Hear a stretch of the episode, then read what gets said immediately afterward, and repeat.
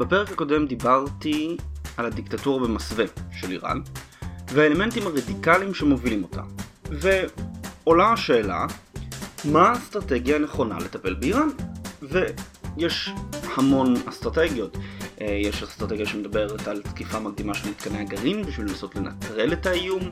יש אסטרטגיה שמדברת על לא לפעול באיזושהי צורה, לא להתערב, אלא לתת לאיראנים לשקוע בתוך הבוץ אה, דתי של סוריה. יש אסטרטגיה שמדברת על איזושהי תגובה פרופורציונלית. הם יורים, אנחנו יורים בחזרה, מנסים לשמור על איזשהו סטטוס קוו. ועולה השאלה, האם אני, האם המשחק הגדול יכול להציע איזושהי אסטרטגיה אחרת, איזשהו פתרון אחר, או לתמוך באחת מהאסטרטגיות על פני האחרת עם איזשהו טיעון חדש, עם איזשהו טיעון שונה, עם משהו שיכול להוסיף לדיון בנוגע לאיום האיראני. ואני חושב שיש כזאת אסטרטגיה, אבל בשביל לדבר איתכם על האסטרטגיה הזאת, אנחנו חייבים לעשות הקדמה. כי בשביל לדבר איתכם על האסטרטגיה הזאת, אני צריך קודם כל להסביר ולעזור לכם להבין מה בדיוק סין מחפשת להשיג בתוכנית דרך המשי החדשה. ואני יודע שכבר עולות לכם שאלות, סין, דרך המשי החדשה, איראן, מה, לאיפה אתה חותר? אז אני יודע, זה נשמע מבלבל, ואנחנו, אני אסביר את הכל, אני אחבר את הכל, אבל היום בפרק, אני רוצה שנעשה התנתקות מוחלטת מהנושא האיראני בשביל אחרי זה לחזור אליו, מנקודת מבט שונה. אז היום אנחנו לא הולכים לדבר על איראן, אלא על יחסי סין-אפריקה. נעסוק בהבטחה הגדולה, הכלכלית הגדולה של אפריקה, ואיך סין מתכוונת לעצב מחדש את השוק העולמי בשביל להבטיח את השגשוג שלה. אז בואו נתחיל. בטח שמעתם אותי אומר את ההבטחה הכלכלית הגדולה של אפריקה. ואני יודע שכשאנחנו בדרך כלל שומעים על, את המילה אפריקה, הדבר הראשון שעולה לנו בראש הוא כנראה רעב, מלחמה, מחלות, אבולה. אנחנו מדמיינים סוואנות וג'ונגלים סבוכים בהם חיים מינים אקזוטיים של בעלי חיים וגם של בני אדם. בהקשר שלנו, באסואציה שלנו, אפריקאים, וכאן לאורך הפרק הכוונה לאפריקה שמתחת לסהרה, נדמים לנו טיפה כחצי פראים, שחיים קרוב לטבע בבקתות בוץ, ורחוקים שנות אור מהמדינות המתועשות ומרמת החיים שלנו. טוב, אני שמח להגיד, בשביל אפריקה והשוק העולמי, שאפריקה מתקרבת במהירות האור להיות המרכז הכלכלי החדש של העולם. מופתעים? לא מאשים אתכם. יש מעט מאוד סיקור חיובי של אפריקה בתקשורת, וכשכבר מדברים עליה, בדרך כלל מדברים על מלחמת אזרחים, או התפרצות של איזו מחלה נדירה. והידיעות השליליות האלו זוכות לכותרות ורייטינג, בעוד העובדה שאפריקה היא היבשת השנייה בצמיחתה הכלכלית בעולם נדחקת לקרן זווית, כן? מדגישים לנו את המלחמות, בעצם לא מדגישים את הצמיחה הכלכלית. אז היום אנחנו הולכים לשנות את זה. היום אנחנו נדבר על הפוטנציאל האדיר שיש ביבשת, למה ואיך סין מתכוונת לממש אותו ואיך אנחנו, כישראלים, יכולים להשתלב כאן. ומהמקרה של אפריקה נוכל להתחיל לשרטט כיצד יש לטפל באיראן. הנה המספרים שאתם צריכים בשביל להבין למה העתיד יכול להיות של אפריקה. ב-2050 יחיו על הפלנטה כמעט 10 מיליארד בני אדם, למי שמדקדק 9.8 מיליארד. 25% מהם יחיו באפריקה, שתכפיל את אוכלוסייתה עד 2050 ממיליארד בני אדם כיום ל-2 מיליארד איש. הגיל החציוני באפריקה יהיה אז 25, בעוד שהוא יהיה באסיה 40 ו-46 באירופה. אפריקה תהיה היבשת הצעירה ביותר בעולם, עם כוח עבודה שימנה מעל 1.1 מיליארד איש. גדול יותר מזה של הודו או סין.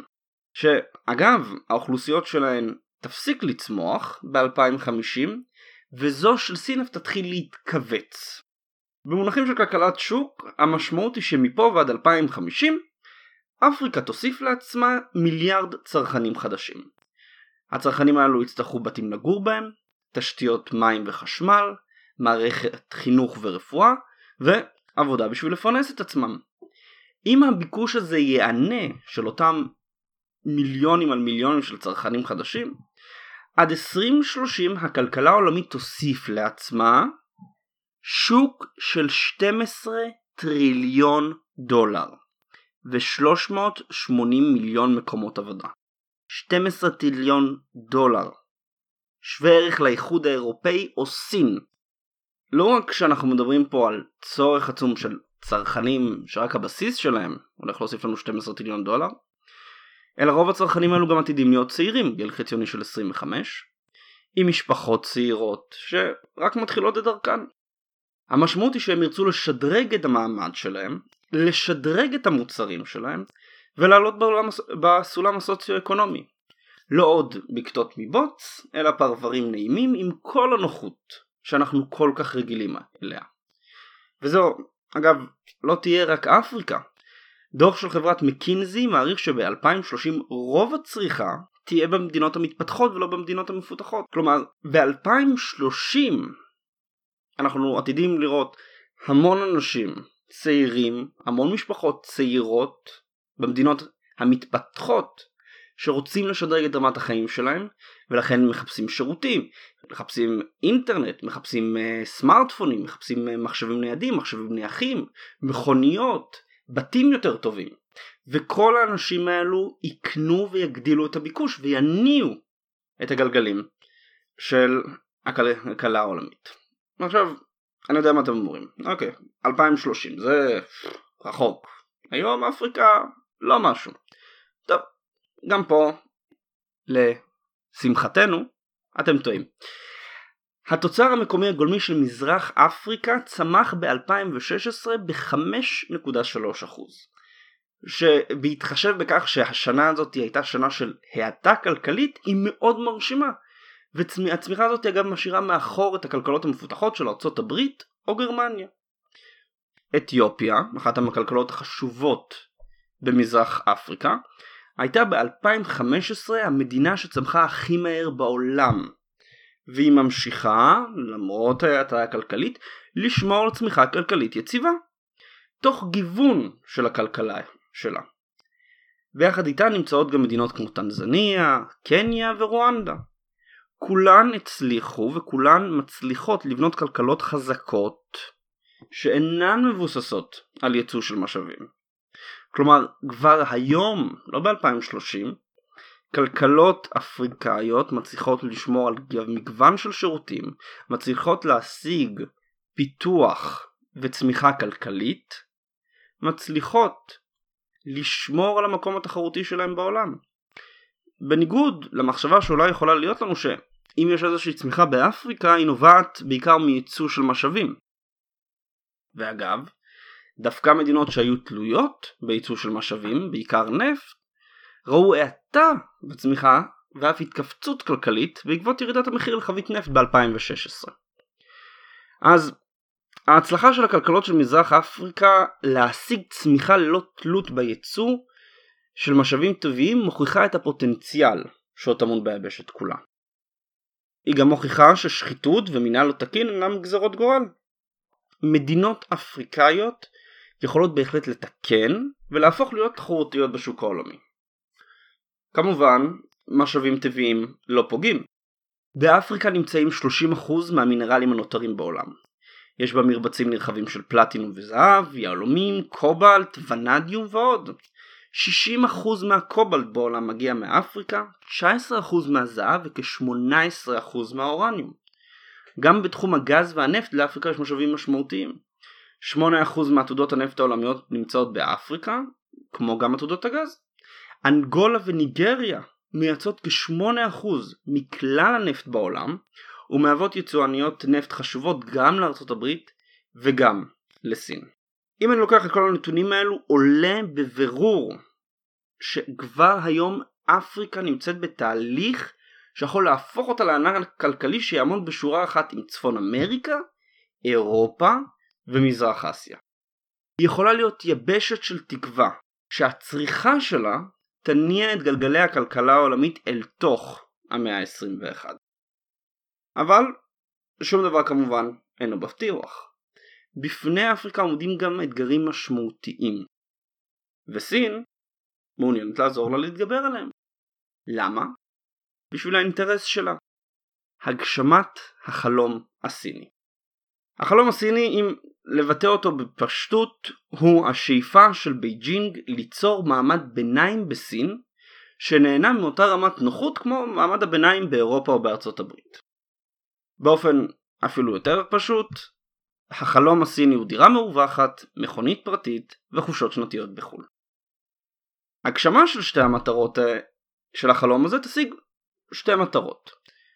ראשית, היא תקנה את ליבם של העם הסיני ותבטיח למפלגה הקומוניסטית שנים של שקט. כן, אחד הדברים המעניינים בנוגע לסין זה שלמרות שלכאורה הקיסר נפל, סין עדיין נשלטת על ידי שושלת קיסרית. במקרה הזה זו השושלת הקומוניסטית. וכמו כל שושלת קיסרית אחרת בשלושת אלפים שנה של קיום של סין, גם השושלת הזאתי צריכה להבטיח את שגשוג העם בשביל המשך השלטון שלה. המטרה השנייה שהגשמת החלום תשיג היא תבטיח את העוצמה הכלכלית של סין. איך? טוב, מעמד ביניים עירוני מייצר וצורך הרבה יותר מאוכלוסייה כפרית או אוליגרכיה סופר עשירה. אנשים שחיים בעיר הם בדרך כלל בריאים יותר, מחונכים טוב יותר, קונים יותר ועובדים יותר. לעומת זאת חקלאים, כן, עובדים 12 שעות בשדה אורז אבל לא נותנים את אותו תוצר כמו מהנדס במפעל. זו הסיבה אגב כיום לכך שלארצות הברית עם 300 מיליון איש יש את אותו תוצר מקומי גולמי של סין עם 1.3 מיליארד איש. כן, אם ניקח את התוצר המקומי הגולמי ונחלק אותו לנפש, האמריקאי הממוצע מייצר הרבה יותר מהסיני הממוצע. אז העובדה שסין עקפה את ארצות הברית לא מזמן בתוצר המקומי הגולמי הוא לא ניצחון, אוקיי? הוא איזשהו תעודת בושה. כי שוב, שליש מהאוכלוסייה של סין מייצר כמו כל האוכלוסייה של סין. והדרך היחידה לעקוף את ארצות הברית ולתת לעצמה יתרון כלכלי משמעותי ולהבטיח את הצמיחה הכלכלית שלה הוא על ידי בנייה של מעמד ביניים סיני נרחב שימשיך ויצמיח את הכלכלה שלה. אבל איך היא תעשה את זה? טוב, קודם כל אנחנו חייבים להבין שהאתגר של סין הוא עצום, אוקיי? מעמד סין מונה 1.3 מיליארד בני אדם. מעמד ביניים סיני עם מאות מיליוני איש. כלומר סין רוצה לתת מעמד ביניים לאוכלוסייה בסדר גודל של פעם מארצות הברית. וזה מדובר באתגר מאוד מאוד גדול שמדריש מפעלים מאוד מאוד גרנדיוזיים. המפעל הראשון הוא שינוי של מבנה הכלכלה שלה. סין בשנים האחרונות משנה את הכלכלה שלה מכזו המבוססת על ייצור המוני של מוצרים פשוטים לכזו המבוססת על תעשיות עתירות ידע. לדוגמה, שוק המכשירים הניידים. מי לפני עשר שנים משתמש בסלולרי שיוצר בסין על ידי יצרנית סינית? אף אחד. היום יצרניות סלולר סיניות מתחרות עם ענקיות כמו סמסונג ואפל. ואנחנו רואים את הכניסה של יצרניות סיניות גם למקומות אה, כמו בניית מטוסי נוסעים, אה, ייצור של מחשבים אישיים ומל"טים אזרחיים. בכל מקום שיש בו תעשייה עתירת ידע, בכל תחום של הייטק, אנחנו מתחילים לראות שסינים לא רק מייצרים בשביל מותגים אחרים, אלא גם מייצרים מותגים משל עצמם, שאגב, נותנים איכות לא רעה בכלל בתור מישהו שבעצמו משתמש בסלולר סיני. אבל זה לא עוצר רק פה.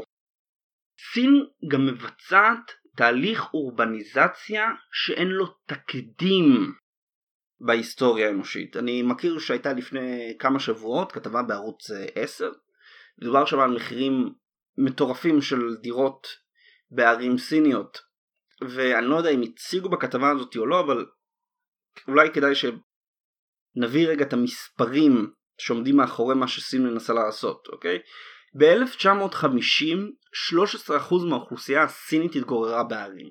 ב-2010 האחוז הזה כבר עלה ל-45% והוא עתיד להגיע ב-2030 ל-70% מהאוכלוסייה.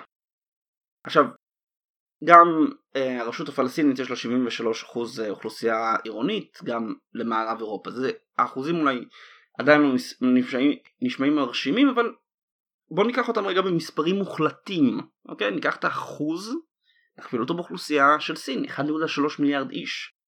במספרים מוחלטים, חצי מיליארד איש עברו בשלושת העשורים האחרונים לערים בסין. חצי מיליארד איש. ואליהם עתידים להצטרף עוד חצי מיליארד איש עד 2030.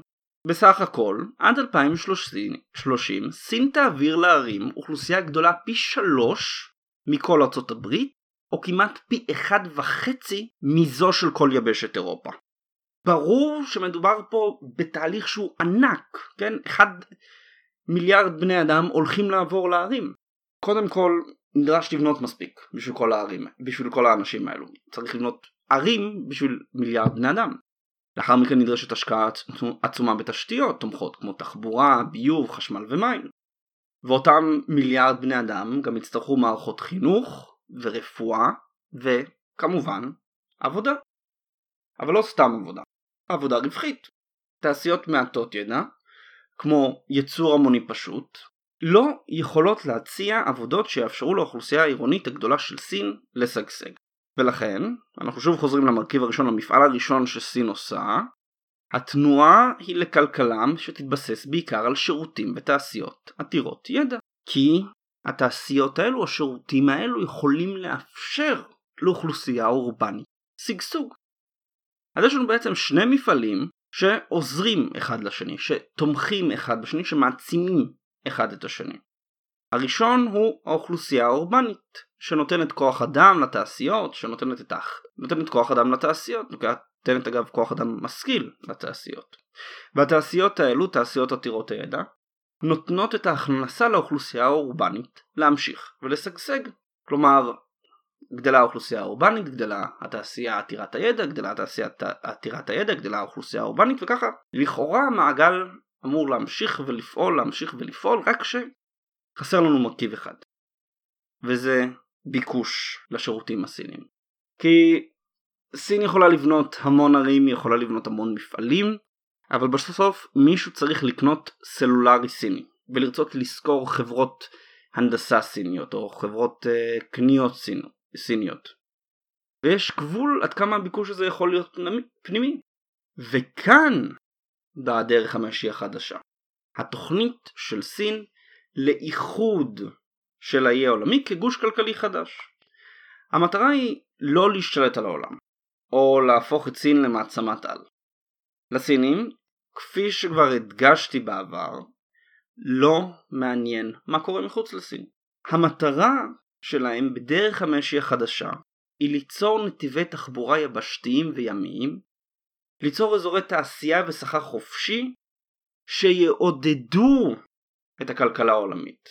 על ידי אינטגרציה של האי העולמי, על ידי חיבור של אסיה, אירופה ואפריקה לגוש כלכלי אחד, יהיה אפשר לבצע תנועה פשוטה של סחורה מ ואל סין, וזו בתורה תעודד צמיחה כלכלית של המדינות בכל הגוש היבשתי. הצמיחה הזו היא-היא שאמורה להיות המקור לביקוש של מוצרים ולשירותים סינים, ואמורה להבטיח את המשך הצמיחה הכלכלית של סין בטווח הקצר עד הבינוני.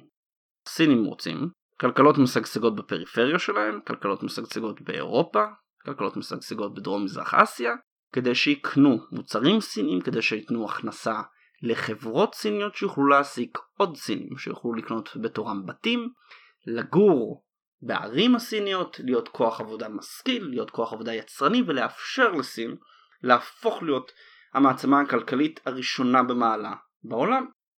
הבעיה רק שעם השנים הגושים הכלכליים של אירופה ומרכז אסיה יידחו בגלל הדעיכה הדמוגרפית שלהם. גם מרכז אסיה, גם אה, אירופה, אפילו דרום מזרח אסיה, עם השנים תהיה להם דעיכה כלכלית, עם השנים האוכלוסיות שלהם מזדקנות, אוכלוסיות מזדקנות קונות פחות, הן חוסכות יותר, כלומר הם לא יוכלו להמשיך ולצרוך מוצרים סינים, ואז סין תצטרך שוק חדש להפנות אליו מוצרים, תצטרך שוק שיעלה ויחליף את השווקים שידחו, את השווקים שיתחילו ויאפירו, והשוק הזה הוא אפריקה.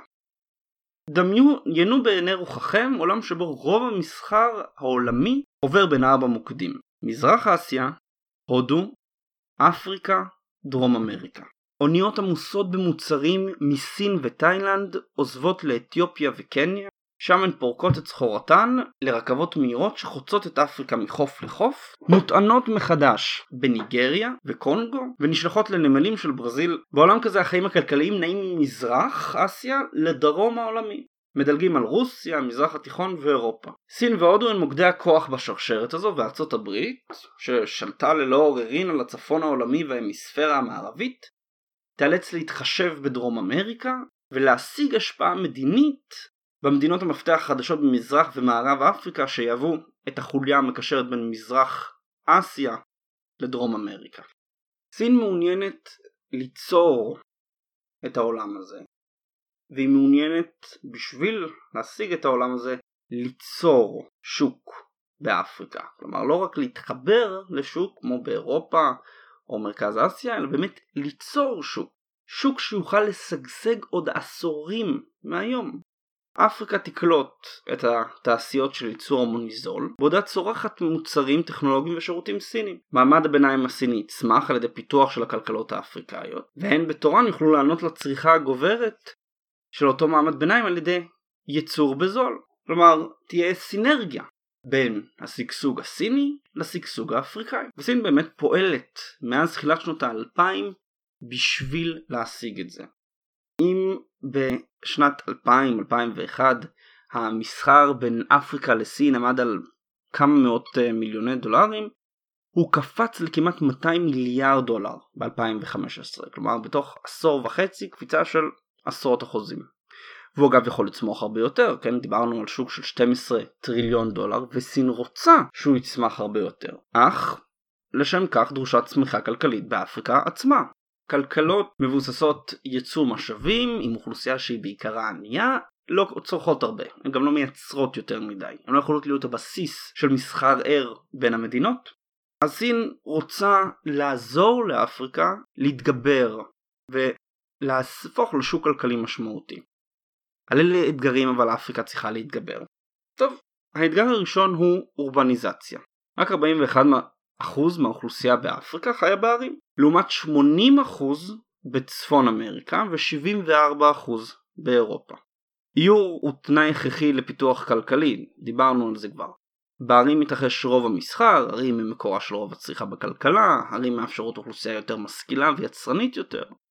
על מנת שאפריקה תהיה שוק כלכלי משמעותי, היא חייבת אוכלוסייה עירונית גדולה.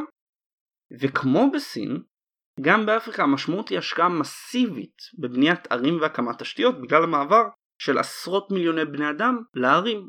האתגר השני של אפריקה הוא תשתיות. תחבורה מפגרת מונעת מעבר נוח של סחורות ואנשים, מה שמקטין את הפריון של הכלכלות ביבשת. מה שדרוש לאפריקה הוא שדרוג של תשתיות לכל רוחבה של היבשת. ליצירת מערכת אחת של נמלים, רכבות ואוטוסטרדות, שתחבר את האוקיינוס ההודי לאטלנטי ואת המדינות שביניהם.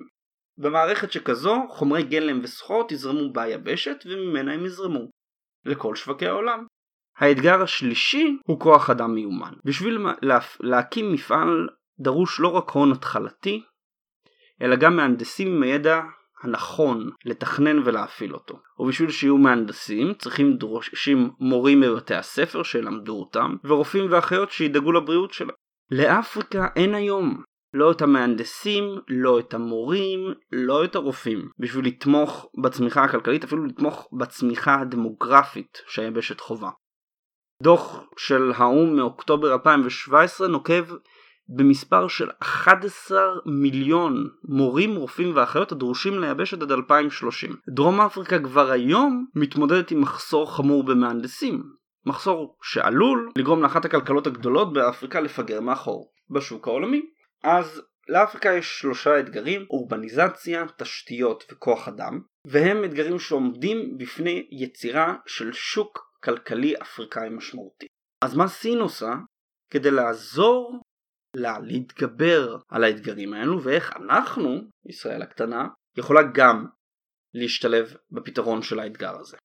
התשובה הסינית לבעיות של אפריקה היא השקעה של הון וידע בשביל להקים תשתיות, ליצור עבודה ולהכשיר כוח אדם בכל רחבי היבשת. התמונה שיש לנו של סין ככוח קולוניאליסטי שרק בא לשדוד את האפריקאים מנפט ומחצבים היא שגויה לחלוטין. כי שוב, סין רואה באפריקה שותפה כלכלית לתוך המאה ה-21. לא אירופה, לא אמריקה, גם לא אנחנו. אפריקה. והם מוכנים לשים את הכסף לשם כך. קחו את תחום התשתיות לדוגמה. סין השקיעה מיליארדים בהרחבת מסילות רכבת וכבישים והקמת מסילות רכבת וכבישים חדשים. בין הפרויקטים ניתן למצוא את האוטוסטרדה לאורך החוף המערבי של אפריקה, חידוש מסילות בין אנגולה לקונגו, כחלק מהתוכנית לחבר בין האוקיינוס האטלנטי וההודי, הקמת נמלים במזרח אפריקה ועוד. ואגב, גם המדינות האפריקאיות עצמן עובדות על פרויקטים שאפתניים, כמו הפרויקט של קונגו, אה, סליחה, כמו הפרויקט של קניה, להקמתה של סהרת הסיליקון. וכן, זה נשמע יותר טוב באנגלית, סיליקון סהרה, like סיליקון ואלי. סין גם עוזרת להכשיר כוח אדם, על ידי שימוש בכוח אדם מקומי במפעלים ואתרי בנייה. הטענה שהסינים מייבאים עובדים, נותנים להם לעבוד על פרויקט ואז מחזירים אותם לסין היא מיתוס. בין 80% ל-90% מכוח האדם בפרויקטים סינים הוא מקומי. והסינים גם תורמים להכשרה מקצועית, לא רק על ידי עבודה בפועל. ב-2015 נשיא סין שי ז'נפיינג הכריז על הקמת עשרות מרכזי חינוך טכניים באפריקה ומתן מלגות ל-20 אלף סטודנטים אפריקאים לבוא וללמוד בסין בשביל להכשיר את הכוח אדם ההנדסי שדרוש ליבשת. ולבסוף, יש לנו גם שיתופי פעולה בתחום הביטחון. ביולי 2017 סין הקימה את הבסיס הראשון שלה מחוץ למדינה בג'יווטי, מדינה קטנה בקרן אפריקה. מטרת הבסיס להגן ולתמוך במשימות סיניות בקרן אפריקה ובמזרח אפריקה בכלל. ג'יבוטי אגב לא נבחרה סתם. הסינים עוסקים בפיתוח מסיבי של התשתית הימית שלה כחלק מתוכנית One Belt One Road או דרך המשי החדשה. הבסיס אגב מאפשר לסין להקרין כוח לא רק לאפריקה אלא גם לאוקיינוס ההודי ולתעלת סואץ שניים מהמקומות החשובים ביותר לכלכלה העולמית. לסין גם יש נוכחות חשובה במשימות של האו"ם והאיחוד האפריקאי לשמירת השלום. היא שלחה חטיבת חי"ר לדארפור ועוד כמעט 400 חיילים מהכוחות המיוחדים שלה בשביל לתמוך במשימת השלום שם. המטרה המרכזית של סין היא לא לכבוש מדינות אלא להגן על ההשקעות הכלכליות שלה ועל האנשים, האנשים שלה באפריקה. וסין לא עושה זאת לבד, היא לא מנסה לכפות את הנוכחות הצבאית שלה על מדינות חלשות, אלא היא משתפת פעולה מחפשת לפעול במסגרת משימות רב-לאומיות כמו אלו של האו"ם, כמו אלו של האיחוד האפריקאי. אז אפריקה היא יבשת העתיד, לפחות לפי ההשקעה והחזון של סין. איך אנחנו יכולים להצטרף לחגיגה? קודם כל ולפני הכל, ואני מקווה שהצלחתי במקצת לעשות את זה כאן, אנחנו צריכים להחליף דיסק בכל מה שקשור לאפריקה. אפריקה יכולה להיות אחד השווקים הגדולים בעולם בעוד שני עשורים אם לא לפני. נמלים שוקקים, פארקים תעשייתיים, מרכזים רפואיים מתקדמים, הכל נבנה שם, הכל מתחיל לנוע לקראת שם. הערך של הקהילה האתיופית בארץ יעלה מאוד עם השנים, כשעוד ועוד חברות ישראליות ובינלאומיות ירצו להיכנס לאפריקה, ובמיוחד למדינה השנייה בגודלה שם מבחינת אוכלוסייה, אתיופיה. אז מה יש לחברות ישראליות להציע באפריקה? הכשרת כוח אדם, טכנולוגיית מים וחקלאות, אה, שיתופי פעולה בתחום הביטחון וההייטק. מהנדסים ישראלים הקימו את חדר המיון הראשון בקיסומו, קניה, ויקימו את התחנה הסולארית הראשונה ממזרח אפריקה ברואנדה לצרכים אה, אמיתיים של תעשייה ומגורים ולפי הקפיצה של 70% בייצוא הביטחוני לאפריקה ב-2016 מהנדסים ישראלים גם מחמשים את הממשלות האפריקאיות. עד כמה שזה נשמע מלהיב אנחנו לא התחלנו אפילו לגרד את פני השטח. סך כל הייצוא לאפריקה שלנו ב-2015 היה פחות ממיליארד דולר. אנחנו, לשם השוואה אנחנו מייצאים יותר לבלגיה בהיקף של 2 מיליארד דולר. ואנחנו יכולים לעשות הרבה יותר. פיתוח התשתית העצום שסין מבצעת משמעה שבעוד מספר שנים חברות אפריקאיות יצטרכו טכנולוגיות של ניהול מידע ביחד עם כלים דיגיטליים בשביל ייצור ושיווק. הרחבת תשתית הסלולר והאורבניזציה תיצור שוק צרכנים שמעולם לא קיבל התייחסות מצד מפתחי אפליקציות או אתרים. חברות ישראליות יוכלו לשתף פעולה עם חברות אפריקאיות בפיתוח ושיווק מוצרים ייעודיים לצרכנים חדשים. התעשיות של אפריקה גם יצטרכו מהנדסים שהאוניברסיטאות אצלנו בארץ יוכלו לעזור להכשיר כאן או להקים קמפוסים שם. והגידול העצום באוכלוסייה של אפריקה גם יחייב עלייה בגידול המזון, תוך הקטנת השימוש במים לבן אדם. וגם כאן, כמו בהודו, לישראל יש יתרון עולמי בטכנולוג... בטכנולוגיית מים וחקלאות. אנחנו יכולים לעזור לאפריקה ולסין ליצור מרכז חדש בדרום העולמי, מרכז שיוכל להמשיך להניע את העולם גם כשסין תאפיר ואירופה תצטמק. אז מה היה לנו? החלום הסיני יצר תקווה חדשה ליבשת השחורה.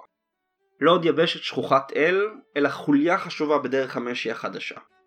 שותפה כלכלית אסטרטגית לסין אל תוך המאה ה-21. והדוגמה של אפריקה היא אולי דוגמה פנטסטית, אך היא לא הדוגמה היחידה. הייחוד של האי העולמי יכול ש... להביא שפע ורווחה גם למרכז אסיה, לאירופה ולאיראן. כל זאת ועוד בפרק הבא.